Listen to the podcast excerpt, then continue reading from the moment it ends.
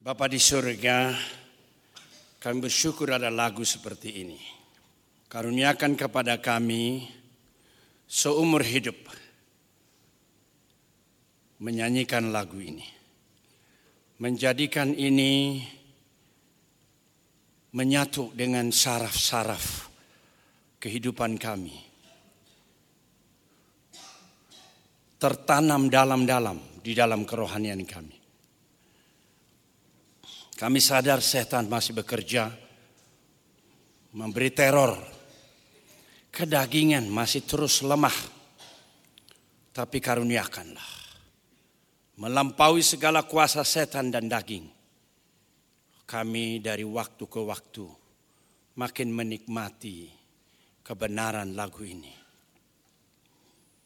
Yang telah dikumandangkan oleh hambamu, Billy Graham bersama George Beverly Sea di hadapan jutaan orang. Benar ya Tuhan, orang kaya akan lenyap, pejabat-pejabat tinggi akan lenyap, nama-nama tenar popularitas akan lenyap. Tetapi Yesus telah melenyapkan segala musuh-musuh kami. Kami mau dimiliki Yesus, bukan dimiliki oleh kekayaan, bukan dimiliki oleh kekuasaan, bukan dimiliki oleh ketenaran. Terima kasih Tuhan. Terima kasih. Kesehatan hambamu. Puluhan tahun di perkantas. Terus menyeru-nyerukan kebenaran. Terima kasih tahun demi tahun. Terus menghasilkan buah. Menyaksikan orang seperti hambamu Erik telah menjadi berkat bagi kami. Menyaksikan juga orang seperti Ata yang dulu duduk diam mendengarkan sabda Tuhan dari mulut kami hamba-hambamu. Terima kasih Tuhan. Kami berdoa memohon supaya mujizat demi mujizat. Karena kuasa roh dan firman boleh nyata dalam kehidupan bukan ratusan beribu-ribu alumni kami bersama-sama membangun kerajaan Allah. Kerajaan yang kokoh, yang tidak bisa digoyahkan oleh apa pun. Terima kasih Tuhan. Kami mau mendengarkan firman-Mu, menyempurnakan semua karyamu yang kami alami sejak kami tiba di sini. Kami mau kembali sebagaimana kami tegaskan acting, melakukan tindakan-tindakan nyata, konkret bersama Yesus, mau melakukan perkara besar. Bukan hidup dalam hawa nafsu dosa. Bukan menikmati segala pancingan dan tawaran setan. Tetapi menikmati segala karunia Tuhan Yesus. Yang jauh lebih nikmat dari semuanya. I delight to do thy will, O Lord. Terima kasih. Terima kasih. Bersabdalah kepada kami, bimbing kami memahami kalimatmu ini. Yang kau tegaskan ribuan tahun yang lalu kepada rasul-rasul. Perdengarkanlah kembali kepada kami saat ini. Supaya kami meninggalkan kinasi ini. Dengan nyanyian ini. Dengan seruan ini. I delight to do Thy will, O Lord. Amin. Ngomong-ngomong kalian tahu nggak lagu itu? Tahu? I delight to do. Let's sing together. One to go. I delight to do thy will, O Lord. I delight to do thy will and to walk with thee and to walk with thee is not grievous unto me, for I delight to do. For I delight to do thy will. Siapa sudah pernah menyanyikan lagu ini? Hah? Kemarin sudah. Oh bagus. Puji Tuhan. Biar ini nyanyian kita terus ya. I delight to do thy will. Serius, sesudah saya bertobat. Apalagi sesudah menjadi hamba Tuhan. Inilah salah satu lagu tema saya. Benar, tidak mulus, tidak mulus. Tapi toh akhirnya kita enjoy juga. Bang Quirido, sini dulu kau dulu. Sini dulu kau. Jadi Bang Quirido ini salah satu yang Tuhan karuniakan menjadi adik rohaniku. Ya, dia juga orang yang sangat serius mengikut Tuhan. Sudah pernah mau mati. Nah, saksikan dulu lima menit dulu, gimana itu? Jadi berapa hari kamu yang di emergency itu? Dan sejak itu hidupnya adalah hidup bersama Tuhan. Tadi saya di sana nangis terus bang. Oke. Nah, di sini nanti nangis lagi. Biarin. Biarin. Kita saya melihat di sini kekuatan kita bukan khotbah teori, tapi hidup yang nyata. Betul nggak? Saya kira kalian terkesan bukan dengan khotbahnya Bang Erik. Meskipun saya kira salah satu pengkhotbah mimbar yang terbaik di Indonesia adalah dia. Tapi hidupnya Bang Erik. Betul nggak? Ketika sama Kak Yanti mengangkat siapa? Mak Lakcia apa? Mak Lejo. Ah, itu Mak Lejo. orang tua itu. Ya. Waduh terpesona saya. Anaknya yang hampir mati. Jadi hidup bersama anak yang hampir mati. Ah, ini juga adikku ini hampir mati. Gimana tadi? Nggak apa-apa nangis. Saya mengaminkan apa yang disampaikan oleh Atta dan Joni tadi bahwa di dalam segala pergumulan hidup kita hanya firman Tuhan. Hanya firman Tuhan yang sanggup memberikan kekuatan dan jalan keluar. Ada kalanya kita di dalam kesendirian, walaupun di tengah keramaian. Dan firman Tuhan itu yang paling menolong kita di dalam kesendirian, di dalam pergumulan kita. Nah yang tadi Bang Sagala sampaikan itu sebenarnya kejadiannya 10 tahun yang lalu Bang. Jadi saya sakit itu tahun 2008. Tapi sakit saya itu merupakan suatu momentum di dalam hidup saya yang membuat saya berpikir ulang tentang hidup ini. Meredi, merededikasikan kembali penyerahan hidup saya kepada Tuhan. Salah satu ayat, salah satu, bukan satu-satunya. Salah satu ayat yang paling berbicara ketika saya di dalam keadaan koma, Koma sebulannya. eh, komanya 10 hari. 10 hari. Tapi alat-alat itu sebulan.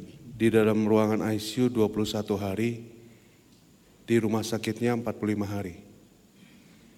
Salah satu ayat yang paling banyak berbicara ketika di dalam kesendirian. Maksud saya di dalam kesendirian ini adalah begini. Ketika orang koma, dia itu sendiri. Tetapi kadang-kadang dia mendengarkan siapa yang berbicara di sekitarnya. Jadi kalau orang, kalau saudara-saudara datang berkunjung ke orang sakit yang koma, jangan sembarangan bicara. Karena akan kemungkinan dia bisa dengar. Termasuk saya bisa dengar orang-orang yang berbicara di sekitar saya, dokter yang putus asa menangani saya, saya dengar. Nah, tapi lagi lagi firman Tuhan. Nah, saya mau saudara-saudara buka Roma 8 ayat 38 kita baca sama-sama. Ini ayat yang berbicara kepada saya di dalam kesendirian kesendirian saya. Di dalam kesendirian itu selain orang-orang di sekitar yang datang berkunjung dan memperdengarkan suara yang menghibur tetapi juga yang mendiscourage saya kira ada suara setan juga di situ, Bang. Pasti, pasti. Dan firman Tuhan ini yang paling banyak berbicara kepada saya.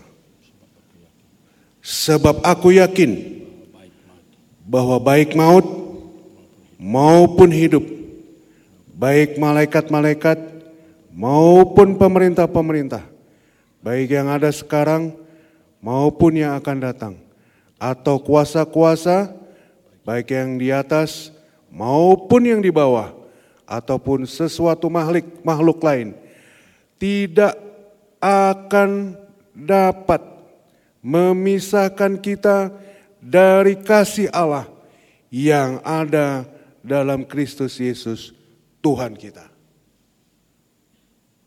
Jadi bagian firman Tuhan ini itu saya dapatkan waktu KTB sama Bang Segala. Ayat hafalan. Ayat hafalan. Makanya dibilang salah satu. Ratusan ayat harus hafal mati. Gak hafal hair. Ya, Saya gitu. galak sama anak rohani. Sama anak jasmani mereka yang galak sama saya. Bercanda saya, bercanda.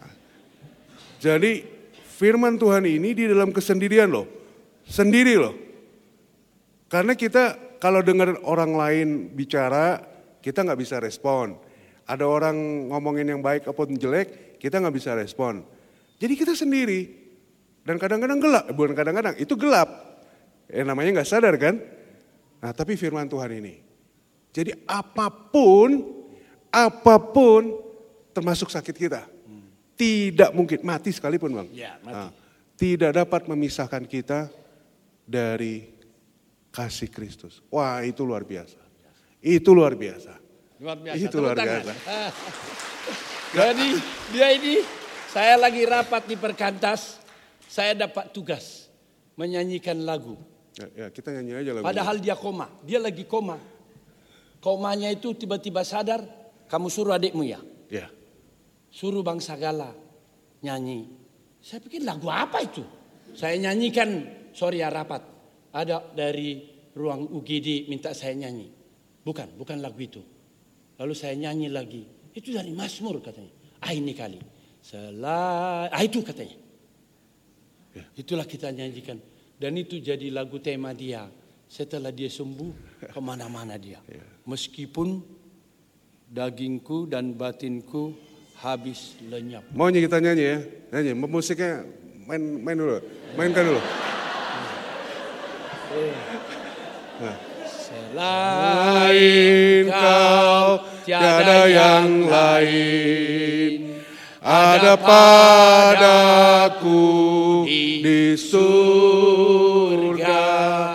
Selain kau tiada yang lain yang ku ingini di bumi, yang ku ingini di, di bumi. Sekalipun dagingku dan hatiku habis lenyap, gunung batuku dan bagianku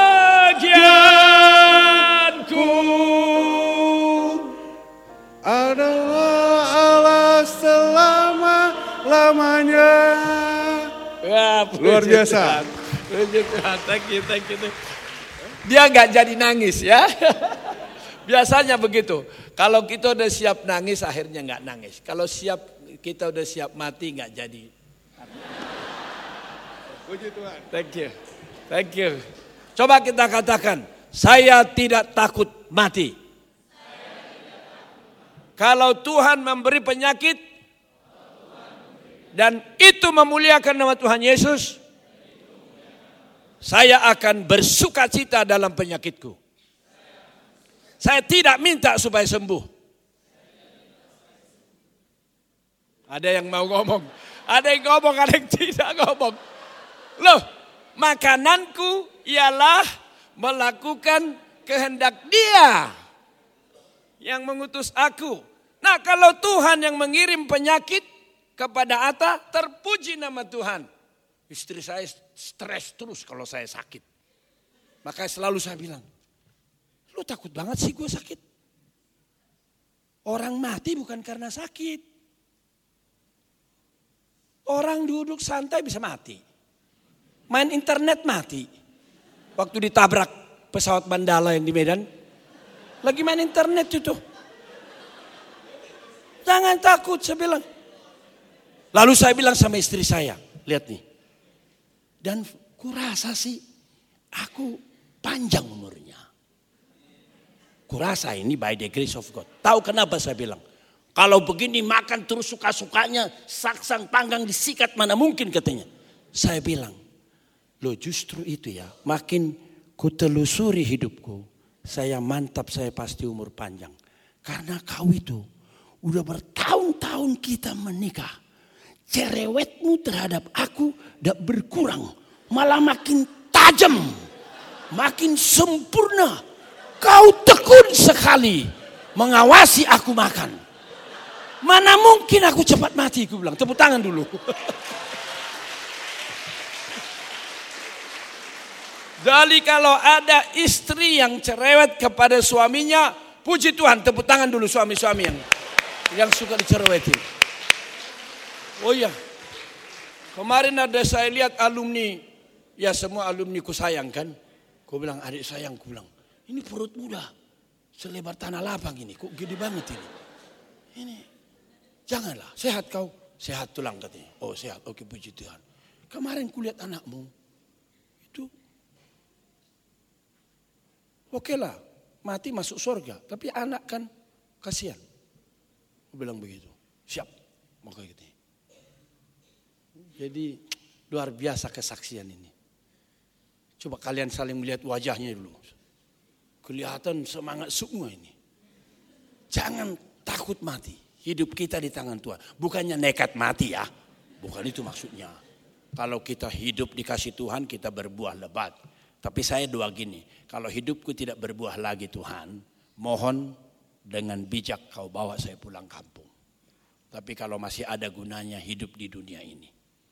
Saya mau Tuhan panjangkan terus.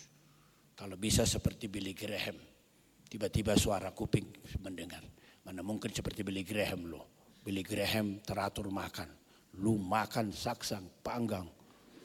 Luar biasa. Itu. Makanya saya bilang sama istri. Ma doakan selera makanku agar berkurang sedikit.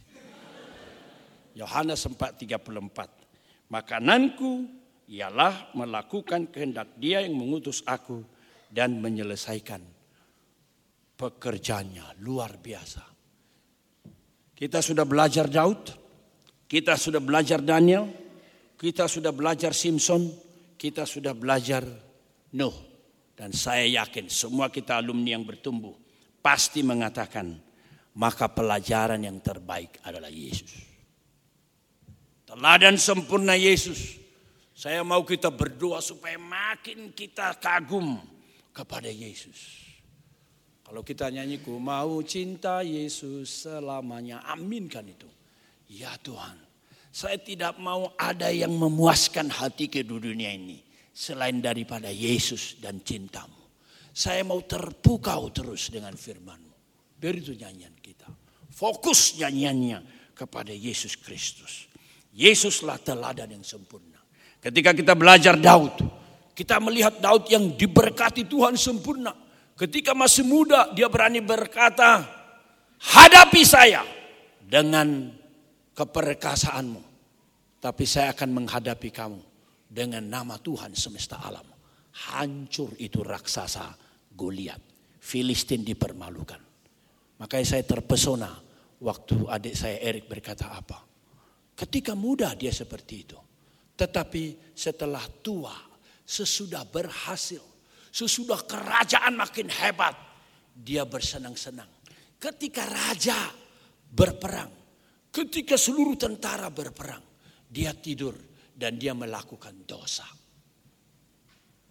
Dan kalimat dia, di mana Daud yang dulu? Oh, kalau orang berkata, yang ku kenal bangsa Gada, semangat, teriak, do the best for God. Itu ku dengar 30 tahun lalu. Di mana bangsa Gala yang 30 tahun yang lalu? Wah, saya sangat sedih kalau ada berkata begitu. Tapi saya bersyukur yang ku dengar bukan itu. Yang ku dengar adalah apa? 30 tahun yang lalu. Kita dirobek-robek dengan khotbah yang disampaikan bangsa Gala. Tetapi bangsa Gala makin tua. kita melihat sisi lain yang makin indah dari firman Tuhan. Puji Tuhan. Itu yang saya katakan, doakan saya. Saling mendoakan kita.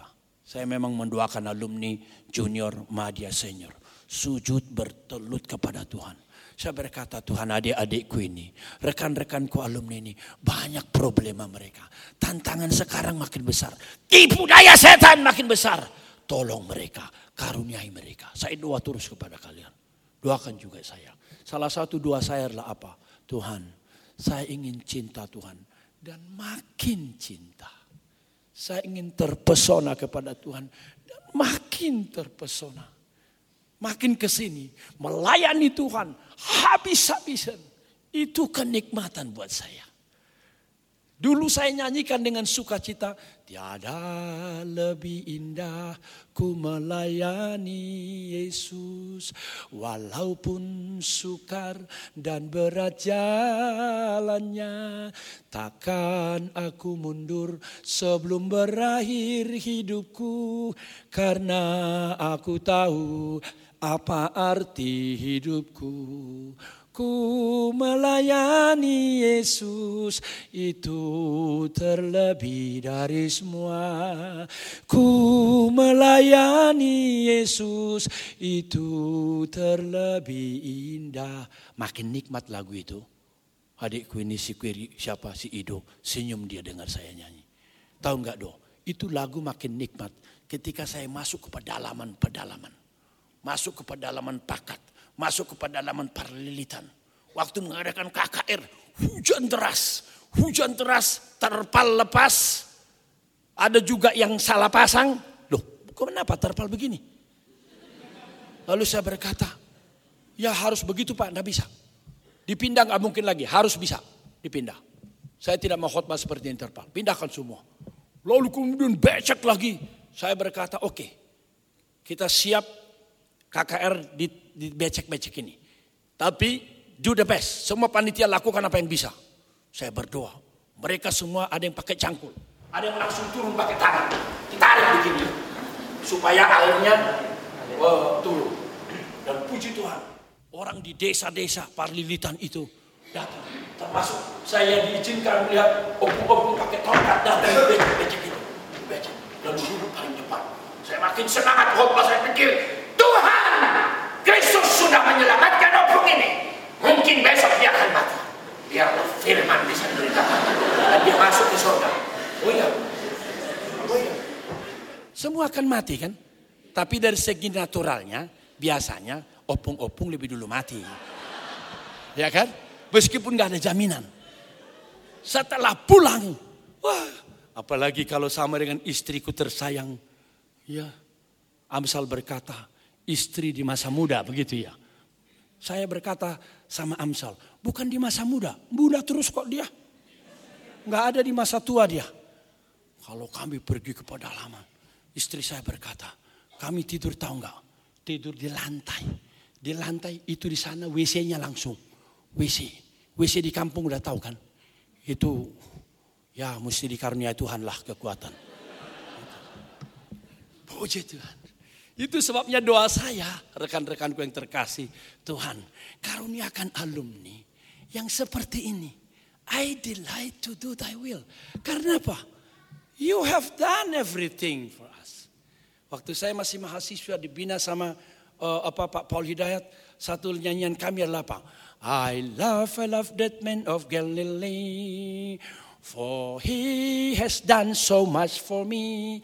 He took away my sin, put the Holy Ghost within. Oh, I love, I love that man of Galilee. Sampai sekarang saya makin menikmati. Ya Tuhan, tidak boleh ada pribadi lain yang lebih kukasihi di bawah kolong langit selain Engkau. Saling mendoakan kita. Supaya mencintai Tuhan makin presisi, makin tepat. Kalau dulu mungkin nilainya 6 atau enam setengah, naik 7, naik 8, naik 9. Saya itu dosen banyak memberi nilai kepada orang. Ada orang nulus saya bikin 6. Tapi ada orang waktu saya kasih nilai, saya sambil puji Tuhan. Tuhan orang ini Waktu membaca soalnya udah ada orang seperti ini. Gak percuma Tuhan di usia saya tidak terlalu muda. Saya harus berangkat pagi-pagi dari rumah. Dan saya ngantuk-ngantuk di bandara. Lalu kemudian naik pesawat. Pulang malam-malam. Kadang-kadang delay sampai dua jam. Sudah capek dari parapat karena mengajar berminggu-minggu. Di sini ada Tina, bagian perpustakaan. Mereka sering sendiri bercerita. Ini bapak bagaimana sih kekuatannya? Kok bisa? Ya, adikku Tina mana kau? Wah itu Tina itu. Tina itu. Dan suaminya. Kusuruh dia datang. Harus datang. Karena kau sudah bikin perpustakaan kita berkualitas internasional. Itu kusuruh dia datang. Itu. Dari mana uangnya? Dari Tuhan Yesus. Ya, puji Tuhan. Nah orang berkata, Kok bisa? Ya memang capek juga. Kadang-kadang saya tiba di KNO itu bisa tertidur. Saya berkata kepada yang jaga lunch room, kalau saya tertidur mbak bangunkan ya. Ya, ya. Lalu naik. Setelah masuk ke boarding, delay dua jam. Ya, delay. Gak ada lagi orangnya. Maka pernah saya, karena gak sabaran lagi, saya pencet itu. Pengumumannya di pesawat itu. Mohon perhatian, mohon perhatian. Di mana petugas gate 7 silakan cepat datang. Kami di sini semua menunggu. Begitu. Sampai akhirnya orang liatin saya dan kumpul mereka semua. Bagus pak, bagus pak, bapak berani pak. Katanya, bagus pak. Tolong, tolong gate 7 cepat datang. Sebelum suasana makin ribut ini. akhirnya pak langsung disuruh kami masuk naik. Yaitu kadang-kadang ata itu mungkin tadi mestakung kade ya. Semesta mendukung. Dalam kondisi nggak kuat lagi, mereka main-main. Dari tadi tunggu nggak sabaran. Akhirnya terus nggak ada orang, nggak ada snack juga. Akhirnya ini yang terbaik. Perhatian. ya. Aduh puji Tuhan. Puji Tuhan saya mengalami banyak mujizat Tuhan itu. Gimana kalau kamu ditangkap polisi katanya? Saya tanya, kenapa kau tangkap saya? Iya. Memang hak saya yang saya minta. Oh, saya doa supaya alumni jangan disarongkan oleh dunia ini, oleh materi. Say no to money. Say no to positions. Say no to everything that against your God. Kan itu katanya Amsal kan. Jangan berikan aku kekayaan yang membuat aku sombong dan berkata siapa Tuhan itu. itu. Jadi tadi saya berkata Tuhan terima kasih. Adikku si Ata telah mengkhotbahkan firman yang hidup. Aku sendiri belum pernah ngalamin. Halo Ata. Saya dapat berkat betul. Pengkhotbah itu perlu dapat berkat. Saya dapat berkat. Wah, memang si Ata ini staf siswa. Kalau khotbah, saya kaget dulu. Orangnya kecil, suaranya menggelegar ya. Saya pikir gitu. Makanya kalau Tuhan berkenan kita minta tadi mujizat saya tumpang tangan. Supaya ke depan dia menjadi pengkhotbah yang dahsyat KKR-KKR di Indonesia ini. Ya kalau Tuhan mau why not? Sama suami sangat cinta Tuhan. Untuk bisa melayani Tuhan, dua-duanya mesti cinta Tuhan. Oh iya, saya bisa begini karena apa? Kak Yunike, mana kau Yunike? Oh, di belakang ya, pasti di belakang lah itu. Iya, nggak pernah itu di depan. Iya, itu sebabnya di KTA ini jangan tinggalkan sebelum dapat.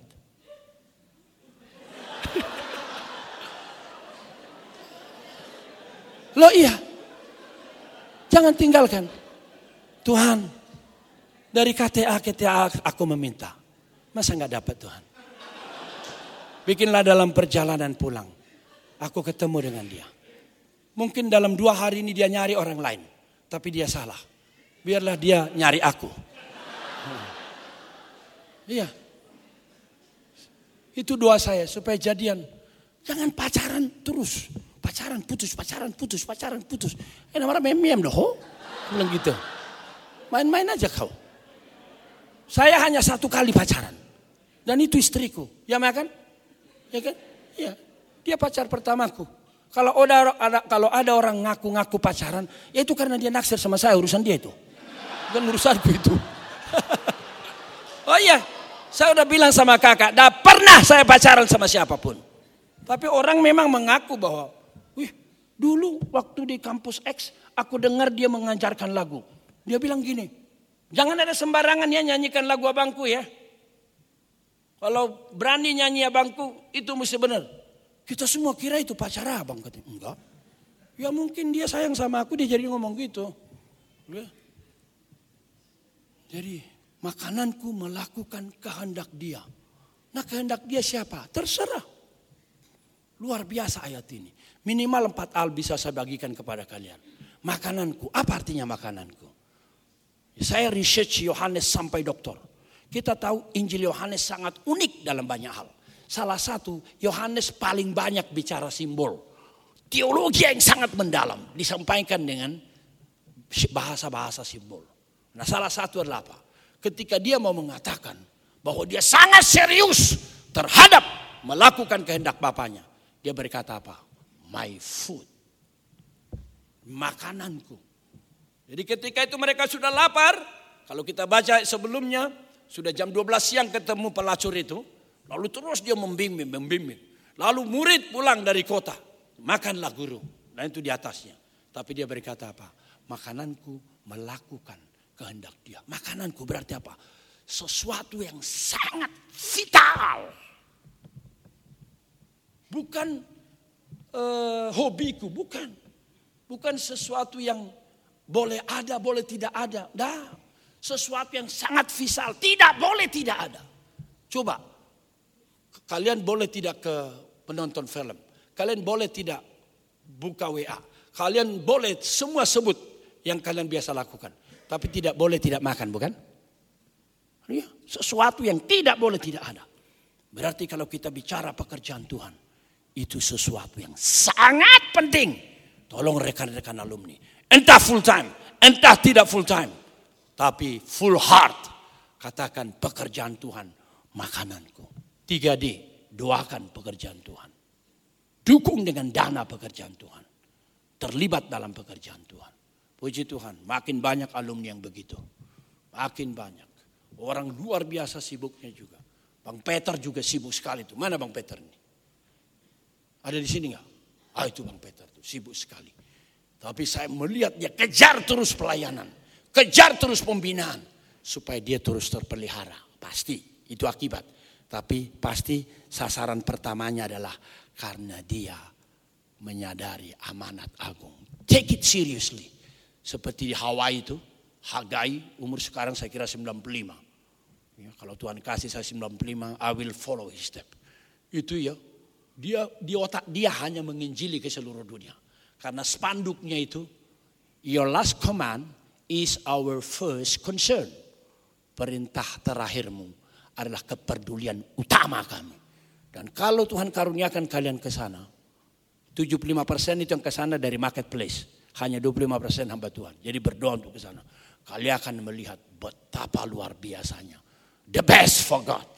Termasuk sampai kalau kita olahraga pun the best itu. Fitnessnya olahraga itu bagus. Hotelnya juga bagus sekali. Dan pelayan-pelayan itu bukan maaf pembantu bayaran. Tapi mantan kapolda, mantan bisnismen, mantan ini, mantan ini. Mereka berkata apa? We cannot serve God like oh, Haggai, but we can serve God with our ability. Of course, certainly we are able to clean your room. We are able to clean your toilet.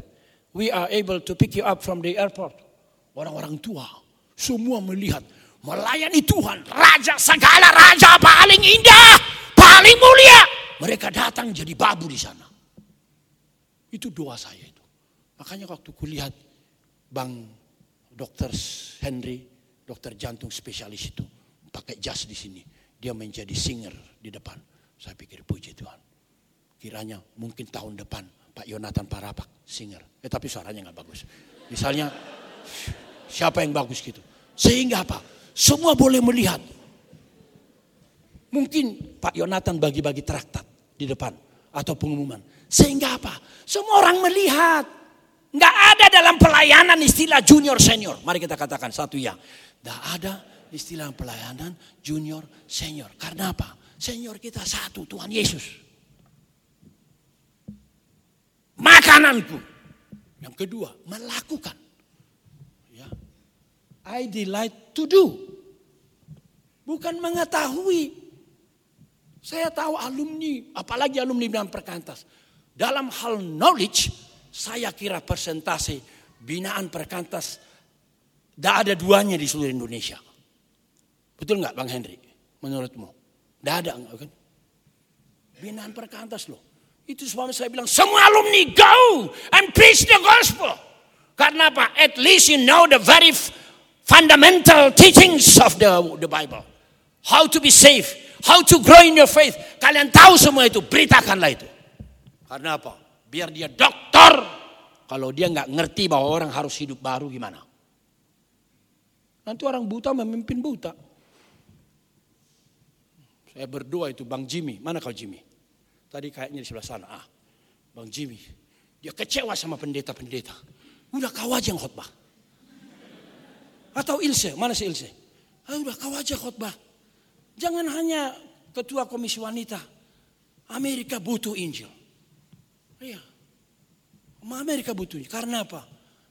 Tuhan cinta seluruh bangsa. Saya sangat yakin. Tuhan tidak rasialis, sukuis, bangsais. Karena semua dia yang menciptakan. Mana bangsa yang lemah, dia kirim hamba Tuhan ke sana. Saya sangat terpukau kalau kalimatmu loh. Bang, kami mau bikin mengapul segala global ministry internasional. Kenapa? Setelah aku mendengar khotbah abang. Udah lama kami nggak dengar khotbah seperti ini. Kami rindu Amerika mendengar khotbah abang. Jadi coba abang atur mereka tim ngomong waktu itu. Di mana? Gordon Conwell ya. Gordon Conwell Campus Boston. Tiga kali setahun tolong diatur waktunya bang. Wah saya pikir alumni seperti ini. Kalau ada 500, 1000, 2000. Tuhan kami ingin khotbah yang bagus. Dikhotbahkan. Kami doakan hamba-hamba Tuhan. Kak Ales, Kak Vivi, Kak siapa lagi. Semua Bang Eliunus supaya mendengar. Ini kerinduan. Bukan hanya tahu, bukan hanya diskusi. Lakukan. Itu juga Tuhan Yesus katakan kepada murid-muridnya. Coba kita lihat. Antara tahu dan lakukan. Yohanes 13. Ya, setelah itu acara basuh kaki itu. Hmm. Jadi dia membasuh kakinya dari ayat 1 sampai 16. Ayat yang ke-12, mengertikah kamu semua yang telah kuperbuat? Aku Ayat 14. Jadi jika aku membasuh kakimu, aku yang adalah Tuhan gurumu, kamu pun wajib saling membasuh.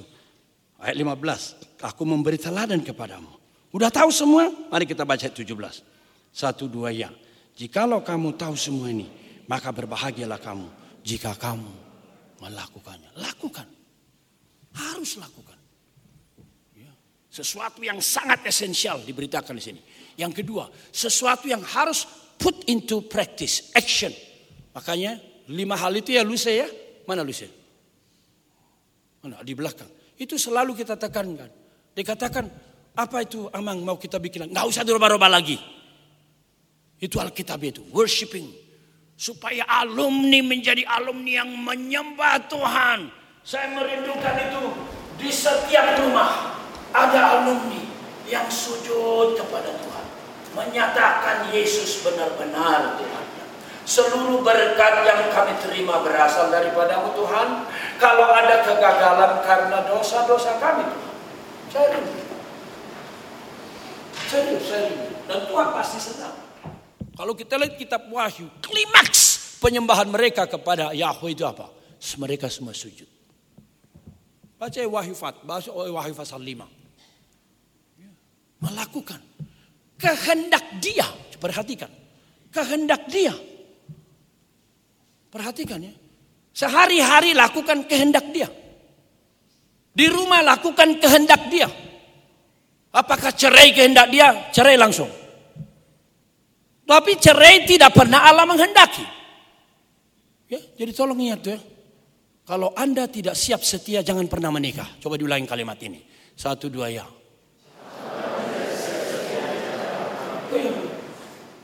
Dalam pasutri yang saya lakukan, apa artinya setia? Berarti apa? Kau menerima pasanganmu sekalipun dia sudah berubah.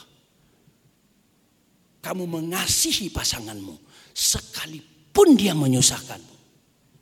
Bukan hanya menerima, mengasihinya. Kau berpengharapan kepada pasanganmu. Itu artinya setia. Apalagi saya tulis begini dan saya renungkan kalimat itu.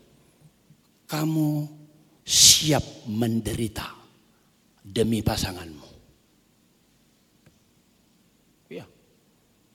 Oh kalau udah siap menderita demi pasangan, udah masalah lagi. Aku udah susah ini, cerai aja. Nanti bukan ikut firman Tuhan. Ikut lagunya Emilia Contessa. Kau yang mulai, kau yang apa? Mengakhiri. Kau yang berjanji, kau yang mengingkari kalau akan begini. Ah, nggak bisa. Nyanyian kita bukan itu. Berbahagia tiap rumah tangga di mana lah Tuhan yang tetap. Saya tidak bilang tamu itu, nggak pernah saya katakan tamu. Kalau cuma tamu nggak punya hak. Kalau udah aus dia tahan. Kalau agak nekat boleh minta air putih nggak? Itu kalau tamu. Tapi Tuhan, ini kenapa tidak beres ini? Ini sudah datang ini kok kenapa tidak ada minuman ini? Ah itu kalau Tuhan. Jadi saya berkata, di mana kaulah Tuhan yang tetap. I try to make the doctrine in the hymn.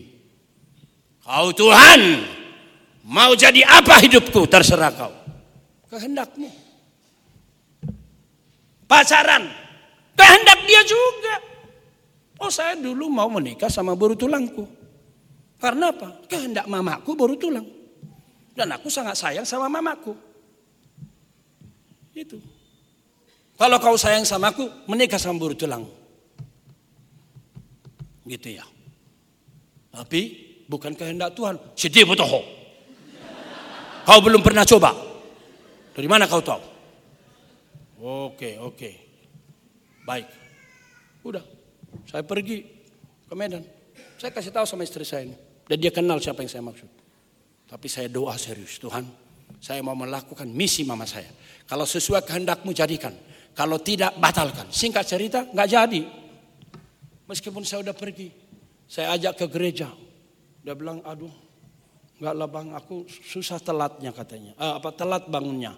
Ya sudah jangan pagi. Yang ibadah kedua Ibadah keduanya sore bang. Ya udah sore. Nah kalau sore biasanya ada kawanku. Jadi gimana? Jam berapa aku tunggu kau besok? Udah ngomong ini di rumah tulang ini. Tulang itu suruh borunya ajak aku ngomong. Ya, jadi gimana nih? Ya aku nggak bisa lah bang. Oh jadi nggak bisa ya? Serius nih nggak bisa? Ya, nggak bisa. Ya, ya sudah. Beribadah, ku jemput pun kau. Begitu. Enggak lah, kata dia, amang buruh katanya. Oh, ini udah kasih sinyal amang buruh ini. Oke. Ku kasih tahu sama mamaku, dia nggak mau, ku bilang. Oh dari mana kau tahu nggak mau? Ku ajak ke gereja, aku kan nanti menjadi penhamba Tuhan. Nah pendeta, eh, calon istri mesti rajin ke gereja dong. Oh dia tidak mau. Iya, aku ajak pagi-pagi. Katanya telat bangunnya suka. Ya kalau pagi ya sore dong. Kau maksa-maksa anak orang. Iya, Aku bilang juga sore. Terus dia bilang apa? Nggak mau juga. Beh, sobong main katanya. Uh, tersinggung dia. Langsung dia bilang apa? Nung apa? Aku roham kata. Saya sudah tahu hatimu. Boru siapa pun nang boru tulangmu mai katanya. Anak siapa pun anak tulangmu lah itu. Saya berkata, salaman, salam. Kiranya, kiranya putri siapa pun membahagiakan mama. Ya, ya, ya. Itu doaku mah. baru tulang, baru siapa pun. Yang penting Tuhan dipermuliakan, mama disayang, aku disayang. Itu saja. Dan itu belum tentu baru tulang. Nah, jadi istriku dan mamaku mati dari rumah kami. Iya. Puji Tuhan. Setiap kali naik pesawat, saya bikin mama saya di kiri, istri saya di kanan, saya di tengah. Saya pegang tangan mereka. Soalnya apa? Kalau saya pegang tangan istri saya, misalnya saya, istri saya, mama saya, dia ngomong, oh nah lebih doh, halan nyolim di tiap-tiap lagi gitu. Hanya istrimu kau pegang-pegang. Oh, saya bikin di tengah, pegang begini. Oh, iya. Wah, kehendak dia, bukan kehendakku, bukan kehendak mamaku. Soal bekerja, juga kehendak dia. Di mana saya kerja? Tuhan pimpin saya. Bukan soal apakah saya inspektur, direktur, kondektur, terserah. Dalam nama Yesus, direktur pun bisa, kondektur pun bisa jadi direktur. Amin. Coba diulang, satu dua ya. Dalam nama Yesus, kondektur bisa jadi direktur. Loh, itulah di Bang Dimpos Marbun. Dulu kondektur itu. Bapaknya udah cepat meninggal. Mamanya janda ini cuman bidan Anaknya 8 apa 9 itu. Wah pokoknya susah lah asal bisa makan itu aja anak bidan ini. Maka setelah dia berhasil sekolah yang murah waktu itu adalah STM. Setelah dia selesai asal jangan narkoba pergi ke bandar baru terus kerjanya. Maka di mana aja kerja. Kondektur lah dia. Tapi setelah dia bertobat di pangkalan susu. Maka Tuhan merubah hidupnya. Menjadi salah satu orang Batak yang sangat tinggi jabatannya di Exxon Mobil Internasional. Makanya saya berkata, wow, waktu saya di Cambridge penelitian 2003, saya mengunjungi rumahnya, istri saya juga ikut waktu itu. Wow, Pak, ini rumah beken sekali, pasti mahal sekali. Ya memang jabatannya tinggi banget, saya bilang gitu. Itu perwakilan Exxon Mobil Internasional di Indonesia. Saya bilang gitu, ini istana Buckingham begitu dekat begitu pasti mahal. Memang mahal. Saya berkata kepada dia, gimana bisa begini? Dia berkata, Tuhan Yesus. Tuhan Yesus merubah nasibku. Laikan tahu siapa saya dulu katanya. Saya sudah jatuh narkoba, saya sudah jatuh ke pelacuran. Motor saya kenal potnya saya lepas, saya ngebut ke sana kemari, sebentar-sebentar ke Bandar Baru. Tahu Lai kenapa aku sangat sayang sama Lai? Tahu lah, mana tahu aku, aku bilang. Karena meskipun aku bandal, berandalan, di, dijauhkan banyak anak-anak HKBP Tanjung Pura, orang tua juga melarang anaknya ketemu saya. Tapi kau sebagai pemimpin kor, pemimpin pemuda, tetap mau menemani aku. Kau tahu nggak? Ketika aku datang ke rumahmu satu sore, abangmu bentak-bentak kau. Aku dengar itu. Waktu saya jalan dari rumah ke jalan, itu karena Tanjung Pura suka banjir, jadi ada jembatan sekitar 12 meter. Waktu saya masih di jembatan itu, aku dengar kau dibentak-bentak. Kau temanmu seperti orang itu, rambut gondrong, lihat itu, kau nanti jadi begitu. Tapi kau nggak menjauhkan diri. Kupikir kau tidak. Saya berkata memang Tuhan kasih di hati saya. Cinta seluruh kawan. Saya nggak mau membeda-bedakan kawan. Dari dulu mungkin mama saya menanamkan itu. Ya anakku sayangnya berjuho tu sudah jorma. Ya, kau mesti baik. Sayangi semua. Kalau dia orang miskin apa yang bisa kau kasih kasih. Begitu. Nah, jadi jangan pilih-pilih pekerjaan. Yang penting doakan sungguh-sungguh. John Calvin berkata apa? Saya sangat yakin setiap anak Tuhan yang bertumbuh dalam Tuhan. Tidak ada satu pekerjaan betapapun tingginya, berapapun gajinya yang cukup memuaskan dia. Kecuali dia tahu di sini panggilanku. Tuhan menaruh aku di sini. Uang sebanyak apa tidak memuaskan Anda. Donald Trump uangnya banyak sekali. Kepuasan seperti apa? Hidup dalam hawa seks, nafsu juga tidak memuaskan. Donald Trump juga begitu. Tapi Yesus Kristus. Itu sebabnya tolong doakan. 26 kami ke Amerika mulai dari Vancouver. Saya berkali-kali ke Amerika, saya selalu khotbahkan. Selalu utamakan Tuhan dalam hidupmu. Uang tidak membahagiakan kau. Saya sudah melihat kalian banyak uang. Segala kenikmatan, the best lifestyle facilities in the world, I think you can find in America. Kita bisa jalan berkilo-kilometer, berjam-jam. Kalau capek, pinggir sedikit, langsung berbagai kenikmatan bisa nikmati. Pantesan orang Indonesia yang tinggal di Amerika tidak lagi mau pulang ke Indonesia. Memang enak kok, memang nikmat kok. Lalu saya berkata, jika demikian, bawa besertamu visi misi ilahi, makananku, melakukan kehendak dia, bukan kehendakku, bukan kehendak orang tuaku, bukan kehendak itu. Termasuk juga soal teman hidup. Siapa teman hidupku? Terserah Tuhan.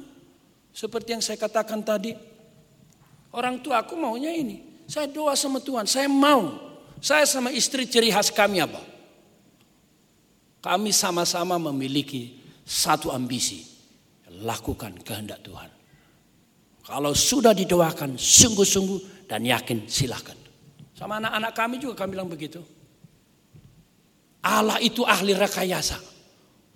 Bisa saja kamu dari narapidana jadi perdana menteri. Itulah siapa? Yusuf. Itulah Yusuf. Apakah masih mungkin terjadi sekarang? Lebih dari mungkin. Mari kita serahkan kepada Tuhan itu. Maka dikatakan lagi melakukan kehendak dia dan menyelesaikannya sampai selesai. Tidak boleh lakukan sebentar, sekedar uh, selingan hidup. Nah, bukan sekedar selingan hidup. Sampai selesai. Dan itu terjadi. Itulah kalimat yang sama, kata yang sama dikatakan Yesus dalam Yohanes 19 ayat 30. Tetelestai, selesai. Luar biasa. Luar biasa. Empat hal kita bahas ya. Makananku, ya, sesuatu yang sangat vital, penting. Melakukan, put into action. Taat. Melakukan. Taat meskipun dikira aneh. Masih ingat kemarin? Taat dikira aneh. Taat meskipun yang lain tidak melakukan. Berani tampil beda asal karena firman Tuhan. Berani tampil aneh asal firman Tuhan. Berani tampil ditertawakan. Ini kalimat ini saya alami selama umur saya 62 tahun ini. Berani tampil beda kalau saya nggak berani tampil beda, tidak mungkin terus di perkantas. Kalian cari di mana staf perkantas, sesudah master, sesudah doktor, tetap tinggal di perkantas.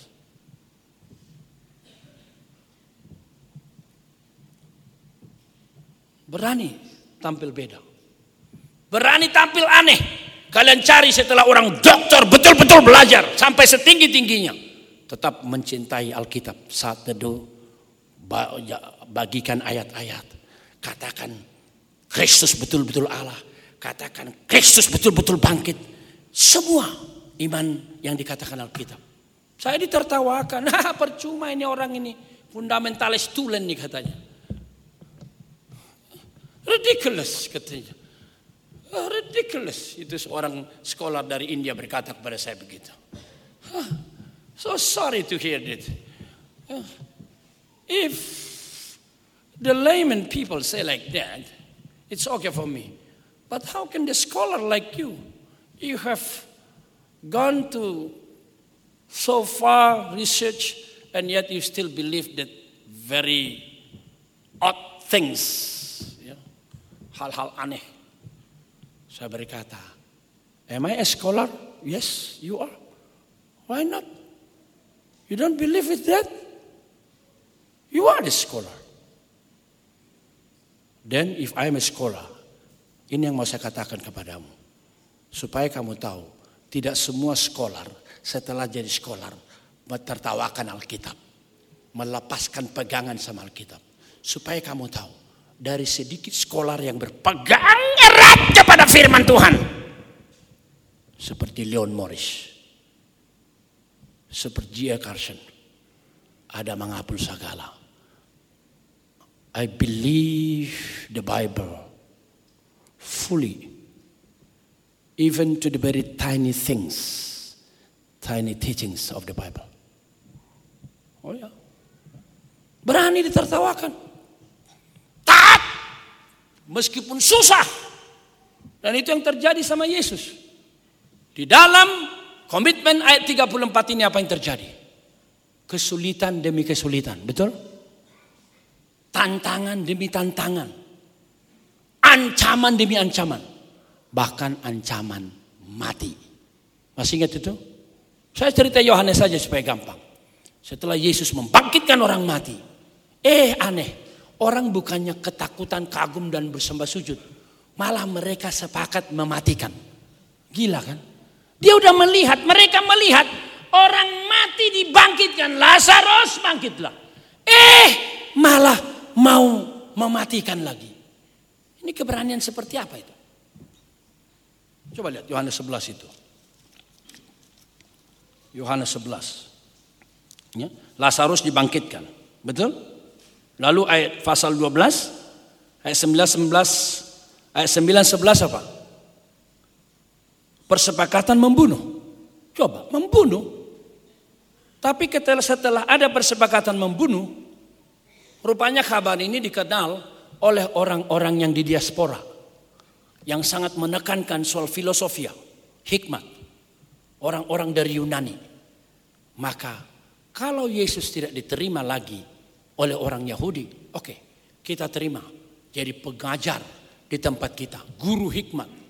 Itu makanya kita lihat pasalnya 12-20. Di antara mereka yang berangkat untuk beribadah pada hari raya itu terdapat beberapa orang Yunani. Orang Yunani dari diaspora. Ya, Orang-orang itu pergi kepada Filipus yang berasal dari Bethsaida. Lalu berkata kepadanya, Tuhan kami ingin bertemu Yesus. Rupanya Filipus nyalinya kurang ya berani langsung ketemu Yesus. Filipus pergi memberitakan itu kepada Andreas supaya berteman berdua. Lalu menyampaikan kepada Yesus. Nah tidak dikasih tahu apa kalimatnya orang Yunani. Tapi dari jawaban Yesus kelihatan. Mari kita baca jawaban Yesus ayat 23. Tetapi Yesus menjawab mereka katanya, telah tiba saatnya anak manusia dipermuliakan. Itu kalimat, telah tiba saatnya. Dan Yohanes sangat unik juga dalam hal saat waktu. Hidup Yesus di Yohanes dibagi dua. Belum tiba saatnya, sudah tiba saatnya. Saat apa? Saat Yesus dimuliakan. Apa maksudnya? Naik ke kayu salib, mati. Jadi term doksa, glory, kemuliaan diberikan oleh Yohanes kepada Yesus ketika mati di kayu salib. Only John, hanya Yohanes yang melakukan. Dari mana kita tahu ini kematian? Lihat ayat 24, 1, 2, 3 ya. Aku berkata kepadamu, sesungguhnya jika biji gandum tidak jatuh ke dalam tanah dan mati, ia tetap satu biji saja. Tetapi jika yang mati, ia menghasilkan banyak buah. Lihat tuh, kita harus mati seperti Yesus. Yesus mau mati dan secara sadar mati. Karena apa? Dengan saya taat, saya mati, saya bisa berlipat ganda. Kalimat ini mempengaruhi saya. Dan saya berkata, saya akan ikut Yesus. Saya mau mati bagi ambisi saya. Saya mengikuti kehendak Tuhan. Dan biarlah Tuhan munculkan banyak buah dari perkantas. Dan saya melihat itu. Puji Tuhan. Istri saya juga selalu menghibur saya. Jangan hanya lihat buahmu yang jadi full time, yang jadi perkantas, yang jadi lulusan STT Trinity. Lihat buahmu juga alumni. Mereka sendiri bercerita. Kami bersyukur hidup kami dipengaruhi oleh khotbah-khotbah yang diberikan oleh bangsa Gala. Hidup bangsa Gala. Puji Tuhan. Salah satu adik sayangku si Johnny ini. Makanya kalau saya melihat dia dari dulu ikut Tuhan, setia kepada Tuhan, setia perpuluhan. Tapi hidupnya dalam kacamata manusia tidak lancar. Gitu? Tapi tadi kupikir kok istimewa sekali Tuhan mendidik si John ini ya. Coba teman-teman sekalian, kalian yang tidak sayang kepada istri, yang suka nampar istri, yang suka menyakiti istri, belajar dari Johnny. Sayang sama istrinya. dan terus dampingi istrinya. Kita bikin firman menjadi daging. Yohanes 1:14 dalam arti kata, praktekkan firman itu. Saya melihat dalam diri Joni firman itu. Saya melihat dalam diri Ata firman itu. Saya berani mengatakan ini. Saya nangis terus tadi dengar kesaksianmu. Terima kasih Tuhan. Terima kasih Tuhan. Dia manusia biasa makanya seperti terseok-seok kesaksikan itu. Tapi tiba-tiba lari kepada firman. Jas! Meninggi lagi dia bicara. Saya tidak mau takut. Saya tidak mau ditipu setan. Dan muncul dari Joni nasihat. Kalau kamu goyah, kalau kamu diserang. Supaya tidak makin bingung. Lari ke firman Tuhan. Maju terus. I delight to do thy will, oh Lord. Aku suka melakukan Taurat. Kehendakmu. Tauratmu ada dalam dadaku. Itu ayat hafalannya. Mazmur 40 ayat 9. Tahu ya? Itu Mazmur 40 ayat 9. Luar biasa. Jadi Yesus tahu jelas visi dia. Bapak mengutus aku. Dan Yesus bukan hanya tahu jelas.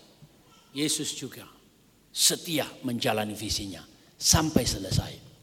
Yohanes 19:30. Tetapi bukan hanya itu. Dia rela membayar harga. Dia berkata, telah tiba saatnya anak manusia dipermuliakan. Artinya apa? Saya tidak akan lari.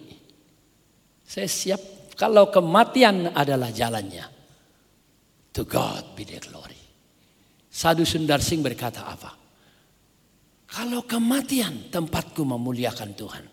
Itu doaku. Bahkan, ini kalimat agat. Kalimat apa ini dalam gaya bahasa Indonesia? Dia berkata apa? Sekiranya Tuhan Yesus bahagia membuat aku di neraka. Aku suka ke neraka.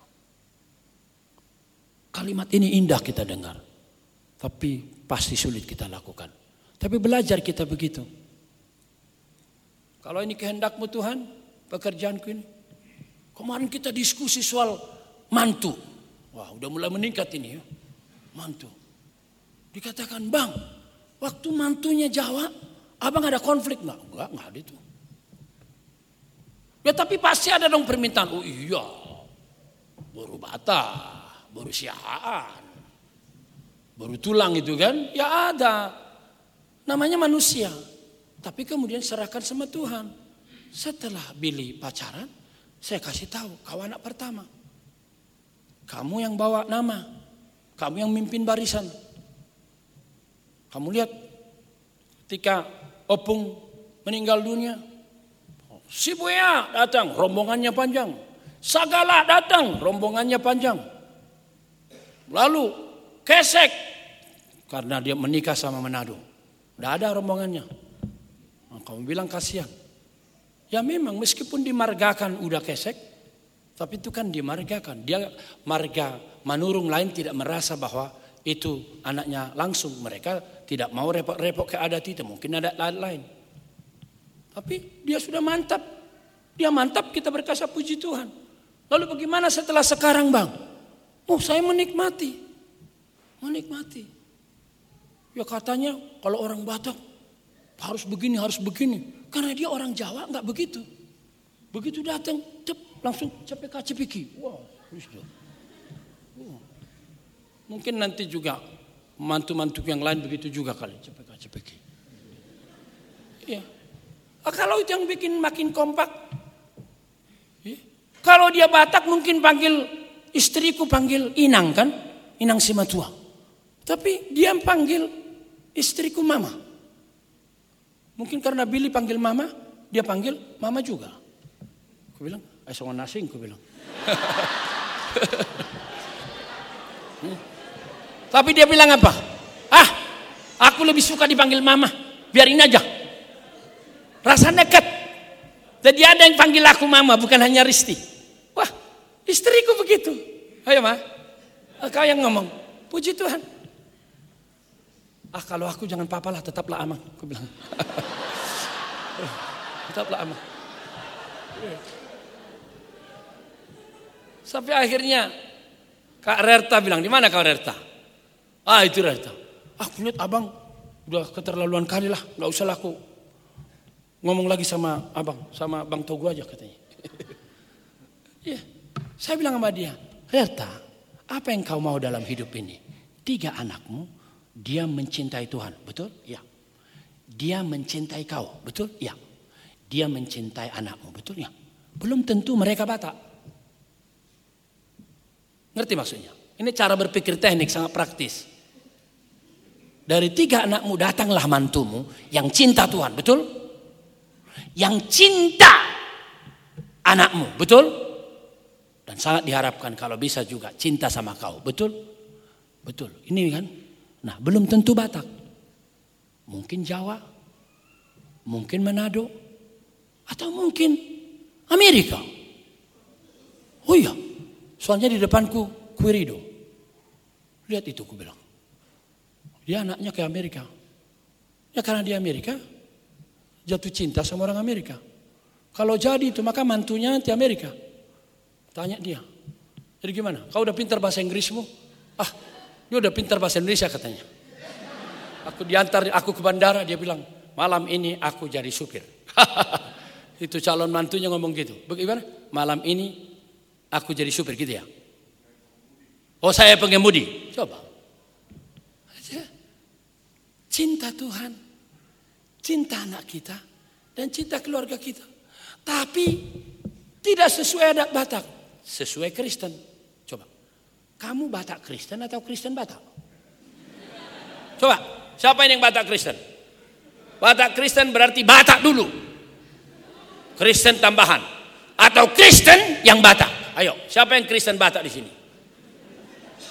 Coba, kalau Kristen Batak berarti nilai Kristennya dulu Bataknya menyesuaikan. Siapa di sini Jawa Kristen atau Kristen Jawa? Kristen Jawa siapa? Ah iya Kristen Jawa dong. Iya. Wah waktunya habis ya. Ah penerapan dulu lah tambahin dikit ya. Nah tambahin dikit ya. Ah, di aja ada tambah tambahan. Penerapannya. Kita juga harus begitu. Kita harus begitu. Tapi kenapa sering kali gagal? Ah ini dia. Ada ada beberapa yang gagal maksud saya. Nah, bereskan praktis ini. Bereskan dirimu di hadapan Allah. Dirimu. Kerohanianmu, pribadimu. Ingat, berkali-kali saya bahas. Doktrin dosa sangat dahsyat. Tadi dibahas tentang kuasa roh dan kuasa firman. Betul. Makanya ingat Galatia pasal 5. Coba kita baca sebentar. Galatia pasal 5 itu. Hiduplah oleh roh. Udah, itu saja. Yang lain kita nggak mampu kalau nggak ada roh. Hmm. Mari kita baca Galatia 5 ayat 16 satu dua ya. Maksudku ialah hiduplah oleh roh maka kamu tidak. Ah itu kata kuncinya. Begitu sulit aku berserah peganglah tanganku roh kudus kalau tidak habis kamu. Saya makin belajar teologi bukan hanya belajar teologi. Saya menjalani kehidupan rohani puluhan tahun. Saya menyimpulkan hal. Tidak ada orang yang terlalu dewasa, terlalu senior sehingga dia tidak mungkin jatuh dalam dosa. Tidak ada.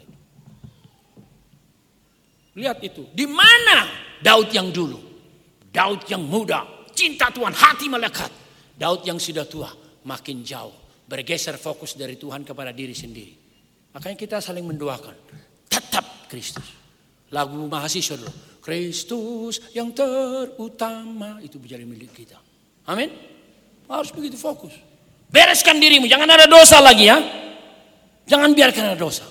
Kalau tergelincir, minta ampun dosa lagi. Jangan tinggalkan tempat ini sambil hidup dalam dosa. Dosa apa? Terserah. Apa yang menjadi dosamu? Kalian bilang, tapi Pak Pendeta, Bang susah. Betul susah. Bukan susah, tidak mungkin. Masih ingat apa Tahun lalu saya bahas apa Roma pasal 7. Aku tahu yang baik, aku mau melakukannya. Aku tahu yang jahat, aku benci. Yang kulakukan sebaliknya. Yang dia bilang, aku manusia celaka. Siapa yang melepaskan aku dari tubuh maut ini? Ini seruan Paulus. Tapi dia menjawab, Roma pasal 7 ayat 24. Syukur kepada Allah. Roma pasal 8, oleh roh kamu bisa. Oleh roh, disiplin saat teduh. Oleh roh nikmati firman Tuhan. Oleh roh nikmati jam-jam doamu. Oleh roh masuk kepada berkeluarga.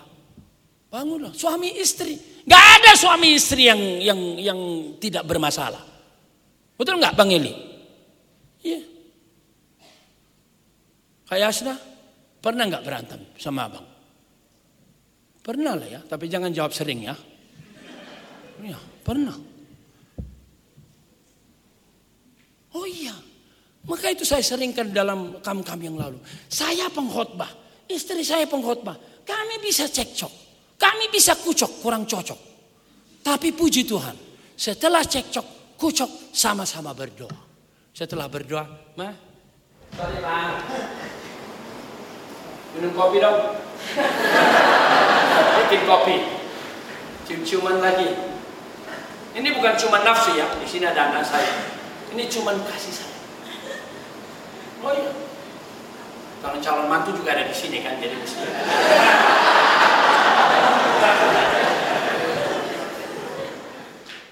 Kasih sayang. Saya memang berdoa begitu. Jeffrey lihat saya serius banget. Kan itu doa saya dari dulu kan. You must fall in love many times. But should be with the same person. Itu. Saya minta itu sama Tuhan. Tuhan saya tidak mau berjerong. Saya sama istri saya.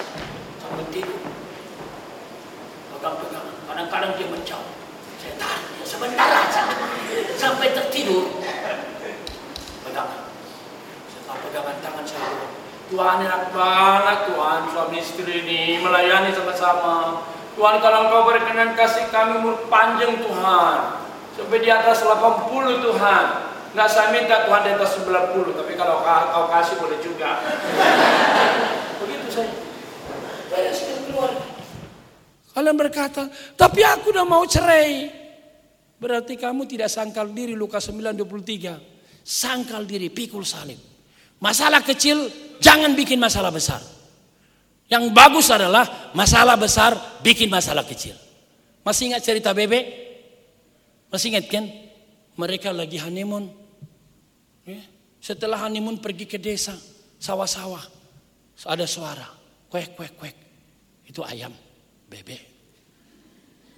Ayam, bebek. Suaminya bingung. Kenapa istri gua bilang itu bebek jelas ayam. Itu ayam mah. Ah bebek ah.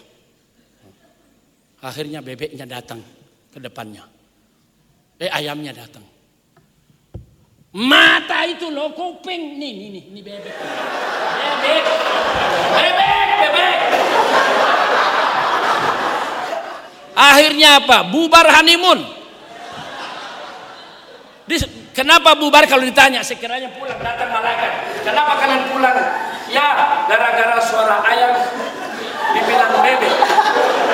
Hal kecilnya itu. Betul nggak?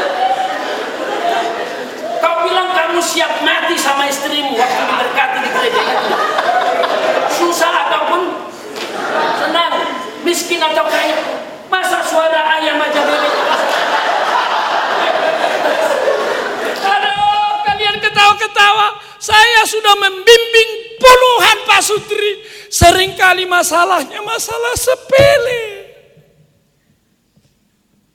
Tidak usah konsel kepada seluruh dunia. Selama kamu hidup egois nggak ada gunanya. Jangan pernah konsel kepada orang hanya ingin kamu dibenarkan. Apalagi jangan pernah konsel sama saya. Karena saya sering kali orang Batak bilang situ lu mata nih horbo. To the point, tak tak tak. Gitu. Lah, kau begitu. Sombong kali kau. Kau tahu enggak dari cara ngomongmu itu yang kau ceritakan. Bapakmu tidak ada seperseratus mertuaku. Itulah sorry ya, sarung terpaksa ngomong. Kau perlakukan suamimu seperti itu. Kalau Kak Yunika istriku memperlakukan saya sepersepuluh itu aja, saya tidak akan marah sama dia. Langsung kutaruh kepalaku ke atas WC lalu kukubur. Itu. Sombongnya kau, nggak higienis. Padahal saya sudah lihat itu rumah yang dikontrak karena difoto sama suaminya. Ini sudah, coba kirim. Dalam hati saya jauh lebih bagus. Mulus, keramik, oh keramik, kamar mandi, tempat tidur. Loh, udah pernah kan dengar kan? Rumah yang bisa saya bayar dari gaji perkantas, persekutuan kantong terbatas itu. adalah apa? Separuh gedek, separuh floor.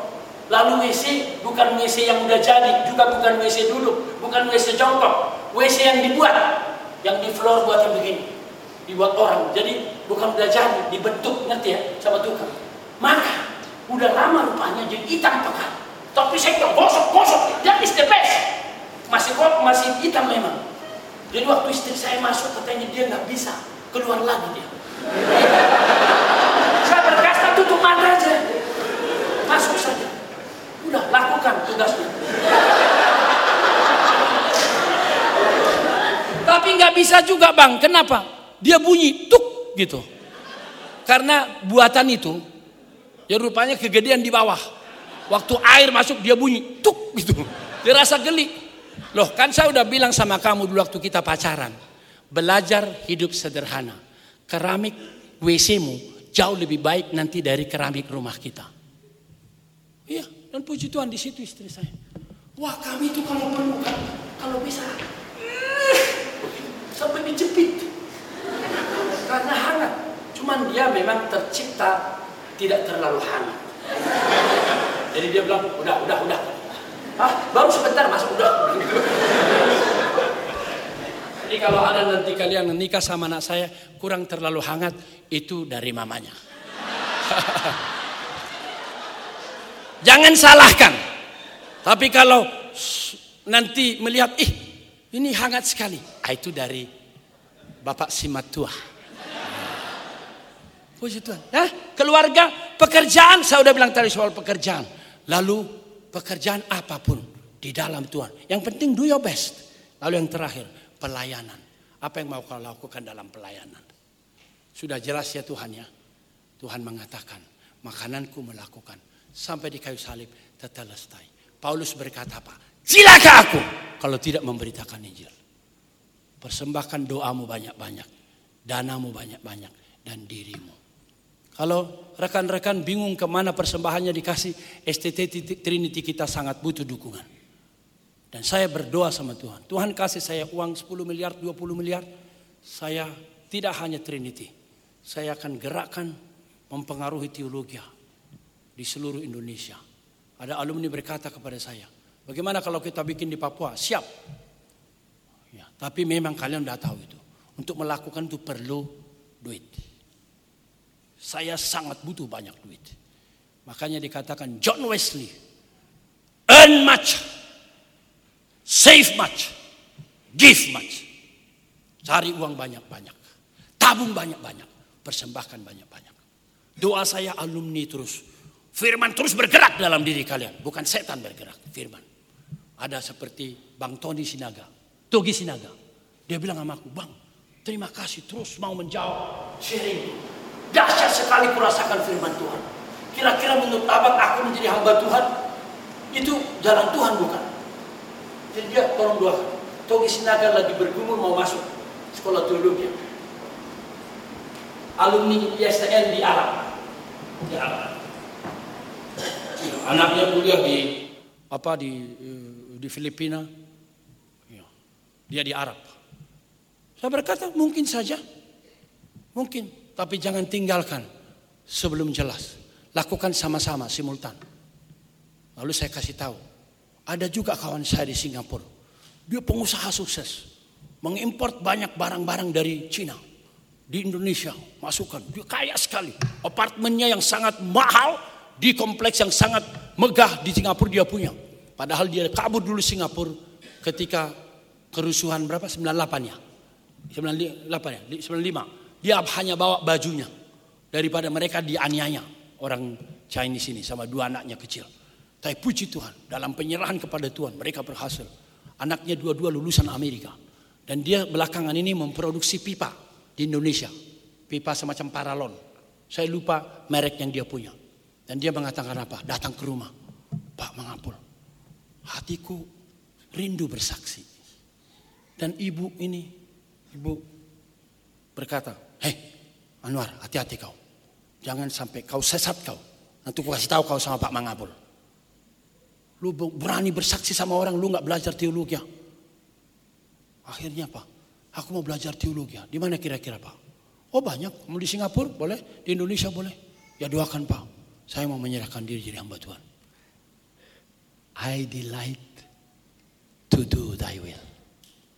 Mari kita sujud di hadapan Tuhan. Yang bisa, mari bersujud. Yang tidak bisa, duduk saja. Kita bersujud, kita berikan sikap yang terbaik. I delight to do thy will, oh Lord.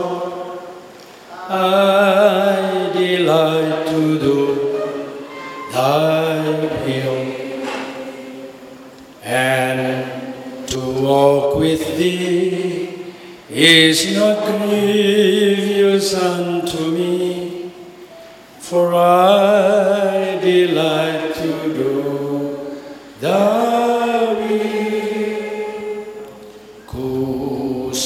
lakukan kehendakmu Tuhan. Ku senang lakukannya. Ku senang lakukannya. Jalan sertamu takkan menyusahkanku. Jalan sertamu takkan menyusahkanku. Sebab ku senang laku Sebab ku senang lakukannya Hanya perempuan, pria berdoa dengan segala penyerahan I delight to do thy will, O Lord. I delight to do thy will. And to walk with thee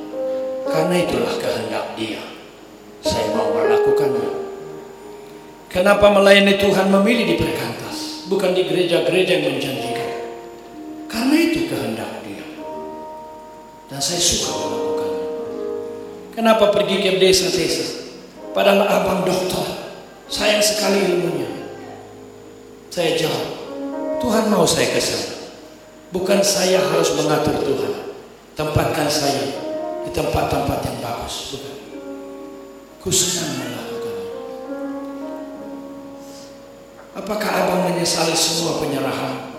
Tidak. Kalau saya boleh mengulangi hidup, yang saya doakan bagaimana saya bisa mengikuti Tuhan lebih presisi, lebih tepat, mengurangi banyak kegagalan dan dosa. Dosa pasti melemahkan kepekaan kita pada Tuhan dan Roh Kudus. Dosa pasti merusak buah kita dengan Tuhan. Karena itulah saya berdoa bagi semua saudara-saudaraku yang terkasih, adik-adikku secara usia. Saya ingin kalian semua maju secara rohani. Tema ini tidak bisa dilakukan oleh orang yang masih diperbudak dosa. Pasti tidak bisa. Pulanglah dengan menyelesaikan semua masalah dosa. Akui, sesali tinggalkan. Saya mau berdoa untuk Jangan merasa bersalah lagi. Entah dosa apa itu. Tidak ada dosa yang terlalu besar di mana Tuhan tidak bisa selesaikan. Adakah orang yang mau saya doakan supaya dibebaskan dari segala ikatan belenggu dosa, perasaan bersalah dan dosa. Sementara semua tutup mata, tundukkan kepala, angkat tangan langsung diturunkan. Adakah? Puji Tuhan, puji Tuhan, puji Tuhan, puji Tuhan, puji Tuhan, puji Tuhan, puji Tuhan, puji Tuhan. Biar Tuhan Yesus melihat tanganmu, engkau rindu bersih, bersih, berbahagialah orang yang suci hatinya. Mereka itu akan dipuaskan oleh Tuhan, akan diberkati Tuhan. Kepadanya dinyatakan kehendak. Seperti yang kita baca dulu. Tuhan mengingat, Tuhan memberkati, Tuhan berjanji. Puji Tuhan. Ada lagi yang mengatakan, saya juga mau didoakan. Angkat tangan langsung diturunkan.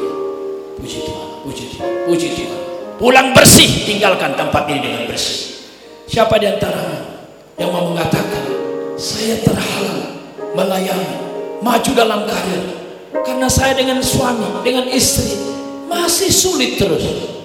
Adik-adikku, rekan-rekanku, saya ingin mengatakan kebenaran ini.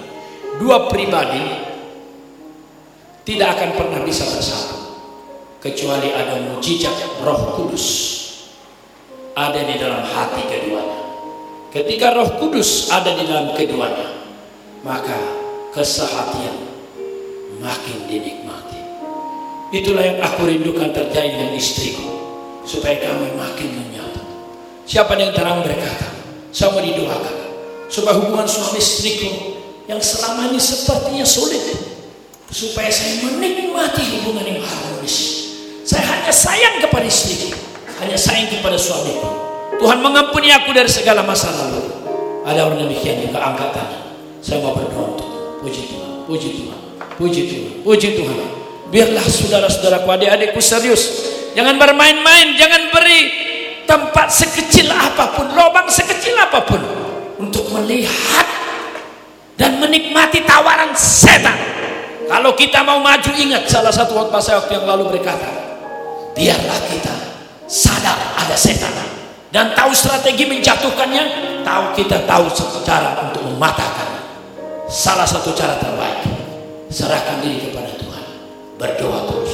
Baca firman Tuhan. Tiap hari. Tidak boleh terlalu sibuk sehingga peganganmu melemah kepada firman Tuhan. Ada lagi yang berkata biarlah keluarga aku diberkati. Suami istri hubungan kami makin harmonis. Sama berdoa untuk acungkan tangan. Puji Tuhan, puji Tuhan, puji Tuhan. Yang terakhir, siapa di antara yang mengatakan, saya mau berdoa. Keinginan saya makin terlibat dalam pelayanan. Supaya seperti yang dikatakan Tuhan Yesus, makananku melakukan pekerjaan dia yang mengutus aku. Biarlah pelayananku selama di dunia ini diberkati Tuhan. Hidup ini adalah kesempatan. Hidup ini untuk melayani. Hidup ini harus jadi berkat. Saya juga berdoa untukmu. Siapa di antara rindu untuk melayani Tuhan? Saya tidak panggil full time. Tetapi kau melayani Tuhan sesuai talenta, sesuai karunia. Entah di kantor, entah di rumah, entah di mana saja di gereja. Orang demikian juga angkat tangan. Saya mau berdoa untukmu. Puji Tuhan, puji Tuhan, puji Tuhan. Banyak sekali. Mari kita akhiri semua lagu ini dengan hidup ini adalah kesempatan. Hidup ini adalah kesempatan. Hidup ini untuk melayani Tuhan. Jangan sia-siakan waktu yang Tuhan beri. Hidup ini harus jadi berkat. Berseru kepada Tuhan. Oh Tuhan, pakailah hidupku selagi aku masih kuat. Bila saatnya nanti ku tak berdaya lagi hidup ini sudah jadi mari kita berdoa. Dan hambamu makin diyakinkan bahwa panggilan mengikuti teladan Tuhan, panggilan termulia. Dan untuk itu karuniakan kepada kami bukan saja keselamatan, bukan saja panggilan untuk melayani. karuniakanlah juga kepada kami kesediaan, kemampuan, keberanian untuk rela membayar harga. Terima kasih Tuhan. Hamba berdoa untuk semua anak-anakmu yang mengacungkan tangan. Membereskan dosa-dosa. Demi nama Yesus. Biarlah seperti yang dikatakan Yohanes 8 ayat 36. Jika anak itu memerdekakan kamu, kamu pun benar-benar merdeka. Terima kasih Tuhan. Setiap anak-anakmu yang kau lihat, mata Tuhan tertuju kepada mereka. Putuskan segala belenggu dosa. Kiranya Allah menyingkirkan jauh-jauh, membasuh, membaharui. Seperti Yehezkiel katakan, mengaruniakan hati yang baru, roh yang baru, menjauhkan segala hati pemberontakan. Berkatilah juga anak-anakmu dalam hubungan suami istri. Tuhan hambamu dalam perjalanan suami istri kurang lebih 34 tahun. Sudah merasakan betapa nikmatnya hubungan suami istri bersama Tuhan. Betapa sulitnya bersatu sehati jika kami dalam kedagingan masing-masing. Tuhan hambamu menyerahkan semua anak-anakmu, suami istri yang tadi mengacungkan tangan. Bahkan semua suami istri yang datang di sini. Berkati mereka. Tuhan yang membentuk. Kerjakan mujizat lagi seperti di kota Kana. Mujizat ekonomi. Mujizat kesehatan. Mujizat demi mujizat. Karena kami tahu Tuhan kami adalah Tuhan mujizat. Dan kami perlu mujizatmu. Tuhan Yesus curahkan mujizatmu kepada semua alumni, kepada semua anak-anakmu. Terima kasih Bapak. Hamba berdoa juga untuk mereka yang merindu melayani Engkau. Dengan doa, dengan dana, dengan diri, dengan karunia. Tuhan, seperti doa hambamu terus menerus tiap tahun. Dalam doa pagi juga kepadamu. Tuhan bangkitkan barisan alumni yang hatinya melekat Yesus Kristus. Terima kasih Tuhan. Hatinya rindu Tuhan dipermuliakan. Sebagaimana hamba sharingkan tadi. Jimmy dan Ilse. Mereka merindukan ada firman yang hidup. Ditabur di Amerika. Mereka rindu hal seperti itu. Taruhlah hati di dalam demikian di hati ribuan alumni. Yang rindu firman Tuhan dialami banyak orang. Yang rindu kemuliaan Tuhan dinyatakan. Berkati juga Jimmy. Berkati Ilse. Teman-teman di Amerika. Supaya mereka menjadikan Amerika juga menjadi kota Tuhan. Amerika bagi kemuliaan Tuhan. Kota yang terletak di atas gunung. Di mana semua seluruh dunia begitu bergairah, tergila-gila datang ke Amerika. Kiranya mereka berjumpa dengan Yesus. Karena ada hamba-hambamu di sana. Terima kasih Tuhan. Dengar dan sempurnakan doa kami. Demi nama Yesus. Amin. Kiranya doa ini, ini yang selalu saya rindukan lama. Tidak ada yang bisa kami lakukan yang terbaik sebagai hamba Tuhan selain doa. Tuhan memberkati kalian berlimpah-limpah. Ada saya di sini, saya tergerak membaca ini karena kesaksiannya si Ata. Supaya meneguhkan yang saya sebut tadi. Jangan doa untuk sembuh, masih ingat enggak? Ah, ini dari kesaksian dari buku ini saya membacakan. Eka Dharma Putra ketika dia didoakan oleh segenap jemaat GKI supaya sembuh dari kanker getah bening. Dia berkata begini, mungkin kurang dari dua menit. Rekan-rekan sepelayanan, kawan-kawan seperjuangan, dan saudara-saudaraku seiman yang saya kasihi. Terpujilah Tuhan yang telah berkenan mengantarkan saya melalui perjuangan panjang. Kurang lebih 21 tahun lamanya. Selama 21 tahun itu, saya akui, saya tidaklah seperkasa singa, sekuat gajah, setegar bajak saya adalah darah dan daging manusia biasa. Tidak jarang 21 tahun itu saya lalui dengan amarah, cemas, rasa terluka dan jiwa. Namun demikian, pada saat yang sama tahun itu juga, tahun amat kaya, limpah dengan rahmat dan berkat. Saya disadarkan betapa Tuhan yang saya ikuti tak selamanya menyenangkan, tapi tak pernah mengecewakan. Saudara, kini saya telah hampir tiba di penghujung jalan, berada di etapa akhir perjalanan hidup saya. Para dokter menyatakan tidak lagi gunanya melakukan tindakan medis yang cukup berarti untuk diperbaikan memperbaiki kondisi kesehatan saya kecuali mungkin transplantasi hati. Dalam situasi seperti itu ketika tangan dan upaya manusia tak lagi mampu melakukan apa-apa yang bermakna, kita bersyukur karena bagi orang beriman selalu ada yang berarti. Itulah yang kita lakukan malam ini. Jadi dalam perkumpulan doa dia, dia kirim surat kepada persekutuan itu. Yaitu kita berdoa malam ini. Kita menyatakan penyerahan diri kita seraya mempersilahkan tangannya bertindak dan kehendaknya berlaku atas kita. Bila Anda berdoa untuk saya, baik di sini atau di mana saja, saya mohon janganlah terutama memohon agar Tuhan memberi saya kesembuhan atau mengaruniakan saya usia panjang atau mendatangkan mujizat dahsyat dari langit. Jangan. Biarlah tiga perkara itu menjadi wewenang dan urusan Tuhan sepenuhnya. Saya cuma mohon didoakan agar sekiranya sekiranya benar ini adalah tahap pelayanan saya yang terakhir. Biarlah Tuhan berkenan memberikan saya dan keluarga keteguhan iman, kedamaian dan keikhlasan dalam jiwa Semoga Tuhan berkenan mengaruniakan saya perjalanan yang tenang, kalau boleh tanpa kesakitan dan tidak mahal biayanya. Sampai saya tiba di pelabuhan tujuan. Ya, Tuhan berkati.